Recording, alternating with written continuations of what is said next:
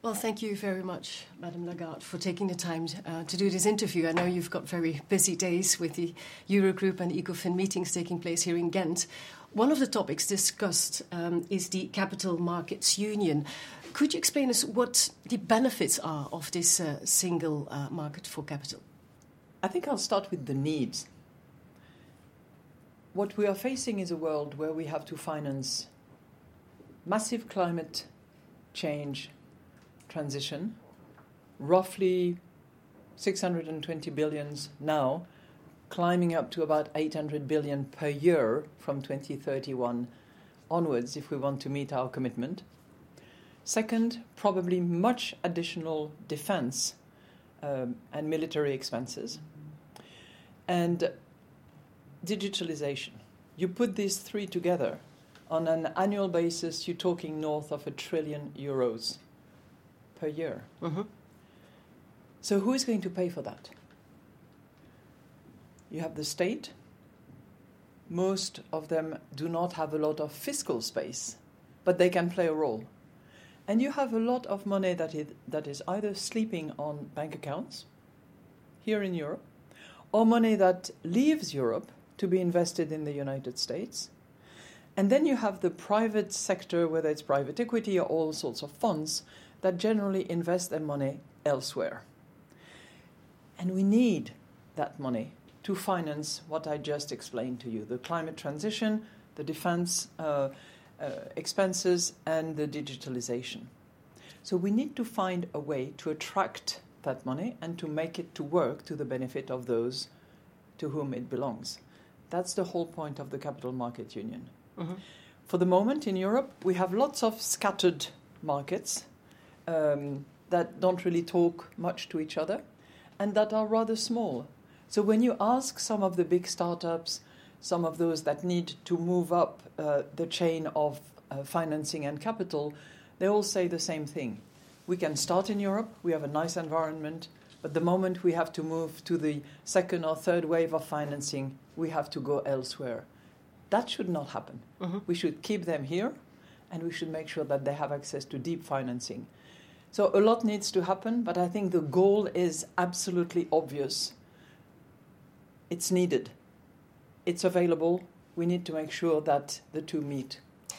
But the idea of such a capital union uh, was initiated by the former president of the Commission, uh, Jean Claude Juncker, mm-hmm. in 2014. That's 10 years ago. So, why is it taking so long? First of all, I think the needs were not as obvious as they are today. 10 years ago was a different world the threats were different. The understanding of public opinion concerning climate change and the threats that it implies were not as acute as they are today. We had limited idea about digitalization cost and, and the rise of new technologies in, in the way they are rising now. So I think the needs were of a different nature, and we approached it in a different way. We thought about stabilization, we thought about cross border operations, and I think that we have to take it from the other angle, not not the sort of you know low hanging fruit. How do we tweak things around? But there is a massive need, and it requires a massive change. And I've called myself for this Kantian shift, where we have single supervision, um, a bit like the Security and Exchange Commission in the United States, where we have a single rule book with the key principles that are common to all those that come to the capital market and where we have uh, market uh, operations and infrastructure, uh, post market in particular, that are much, much more unified and, and coordinated. Mm-hmm. Well, you, you, mentioned the advantages of such a, a, single market for capital. So, what keeps uh, member states to align their, policy, their fiscal policy then? Some member states are very concerned to move towards capital market union because they feel that they're going to lose control they would prefer to have their own little supervision authority, their own market operation, post market operation, and manage the business at home. But that business is going to be so small, and the needs are so big. So we need we need to, you know, elevate um, that forum of the capital market union, make sure that people participate and have the sense of ownership but not necessarily control in the way it is envisaged by some member states. So I think that hurdle that obstacle needs to be addressed so that there is really collective ownership of what is going to enhance the game for all. Mm-hmm. The most talked about economic topic in the past two years was without doubt the inflation. Mm-hmm. Um, well, the inflation rate is going down, especially in the second half of 2023, and uh, it's uh, going faster than, than was expected. It seems that a soft landing is in the making, uh, which is historically quite exceptional coming from a 10% inflation rate. Have central bankers become wiser? it, we have to be humble um, and, and be focused on the goal that we have. And that goal, for me, um, together with my colleagues, is to reach that target that we have set for ourselves, which is that 2% medium term target inflation. Just to rem- remember, back in October 22, it's a year and a half ago, inflation was at 10.6% mm-hmm. monthly reading. we are now at 2.8%. I'm talking about, you know, average numbers for the whole of the euro area. So the decline has been very significant, and you're right, accelerated in the second half of 23. But we're not there yet, and we need to be absolutely confident that we will reach that target on a sustainable basis. It cannot be a one shot 2%. We need to be confident that we have tamed inflation for good and that we will be uh, at target. So that's, that's what we are totally focused on. I'm not sure that we are wiser or not so wise. I think that we have to be constantly on alert because you know we have suffered shocks that we had no idea about, and we have to be attentive to what comes next and be prepared for that. Mm-hmm. Well, we have that inflation rate of 2.8% now, and you mentioned the ECB's target to, to go down to 2%. Um, that's really the hardest part. So, how sticky do you think this inflation is, and what impact does it have on the ECB's uh, interest policy? We have to analyze the data in, in a very, very careful and very um, granular way. We have to really scrutinize to understand exactly you know, what is underneath, what is most uh, sensitive to monetary policy, what is not, what is uh, labor intensive. So, as a result of that, we dissect um, all the data that we receive in terms of prices. What we see is that inflation on goods is declining significantly. On the other hand, what we also observe is that inflation on services, so regular price increases of services, is more resistant. And that's hardly surprising because services is much more labor intensive. Mm-hmm. And wages, of course, because of the catching up effect as a result of inflation suffered by employees over the last two years, is continuing to have an impact on labor cost and therefore service prices.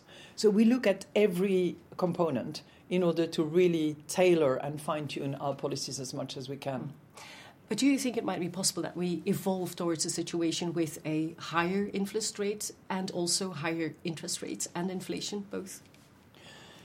The best tool that we have to tackle inflation is interest rates. And that's what we are using, and that's what all central banks around the world at the moment are trying to use. And I'm not suggesting that it's just because of the ECB that inflation has gone down. I would say that we have been a significant factor there have been other factors because, of course, the price of energy, for instance, has, has gone down over the last two years. But monetary policy has played a key role. And as a result of us hiking interest rates, inflation has gone down significantly, uh, as we discussed earlier, from 10.6 mm. to 2.8. It's, it's, it's a massive decline, as we had a significant hike of mm. interest rates an, an, inflation rate of 3% and even 4% is uh, considered not to be harmful for the economy. Is it an option to, um, to raise the, the, the ECB's target of the inflation from 2% to 3%, or is that opening the box of Pandora? You don't change the rules of the game in the middle of the game. We are in that fight against inflation, and uh, you don't move the, the, the, the goalpost.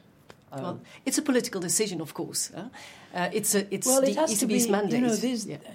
The mandate that we have is very strict. It's price stability. It's you know uh, inscribed in the in the in the treaty, and uh, and we will deliver on it. Well, we live in very uh, different times, very unpredictable times. Uh, still, the ECB needs to make assessments and forecasts. Um, can you still trust the economic models that are used?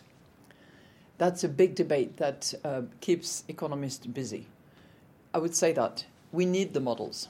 They're helpful. Uh, they they they are informative but they should not be the only source of uh, information, intelligence, and, and uh, sh- they should not be the only basis for our decisions.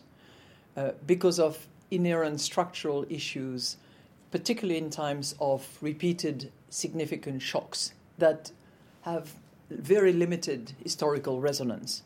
So we need to be attentive to what they tell us and we need to be very, very careful with the data that we input and with the hypothesis that we take. But we also have to look elsewhere.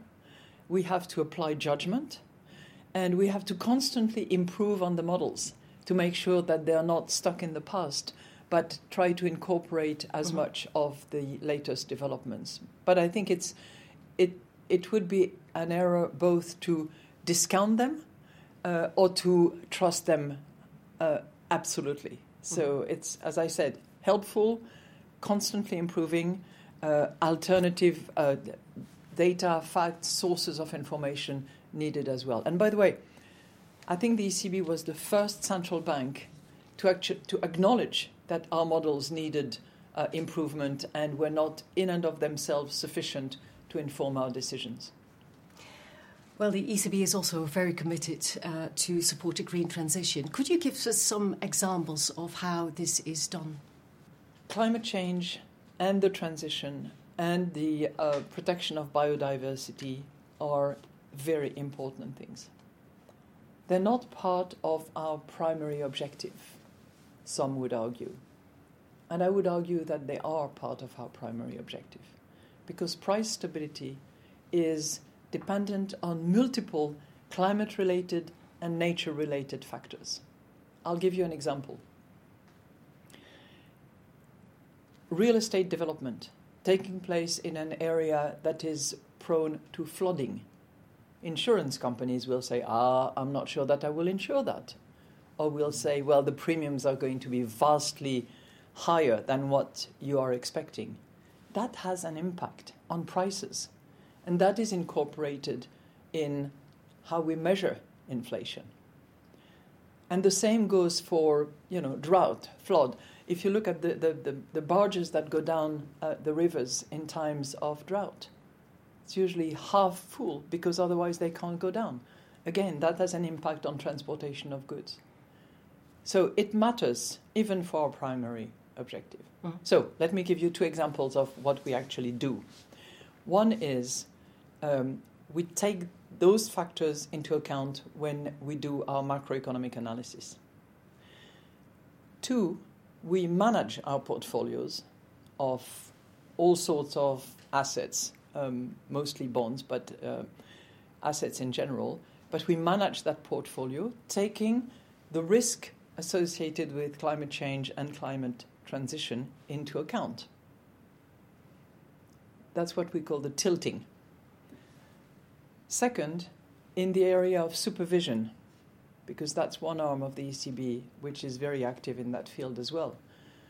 We stress test and we ask banks to take into account the climate change related risk when they assess risk. You know, when they see a client coming to them to say, Well, I would like a financing for this and this and that, we tell banks, please, when you receive that request, take into account the risk that is associated with the project that you are mm-hmm. prepared mm-hmm. to finance.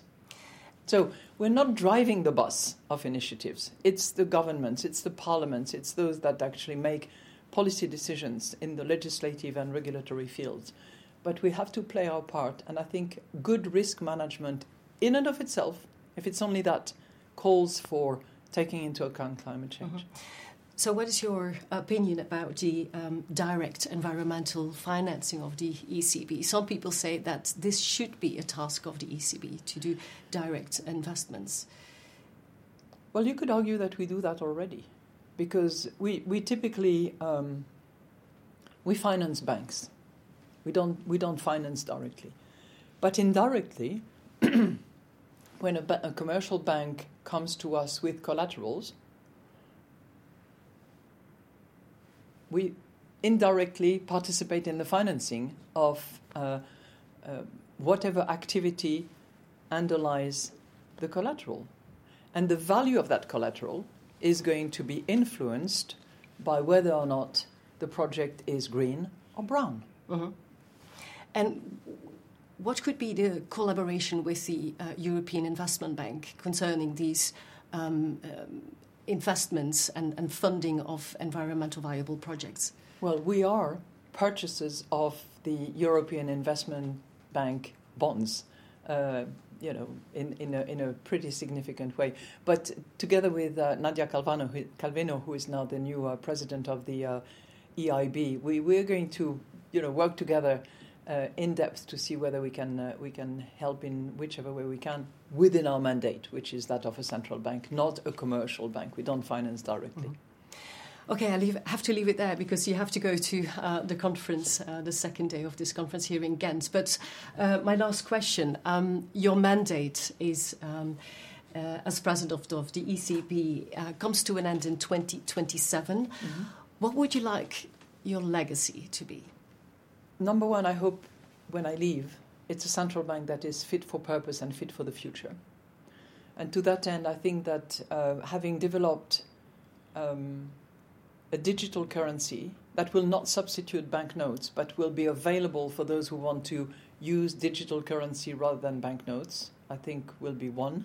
Second, the fact that the central bank is really acutely aware of how climate change, nature based solution, protection of diversity are to be included uh, to the mandate that we pursue uh, are also things that I hope to be proud of. And I will continue to support diversity in all uh, aspects gender, but all other aspects of diversity as well, so that the ECB, not just in its tools, but also in its staff, is, is uh, prepared for the future.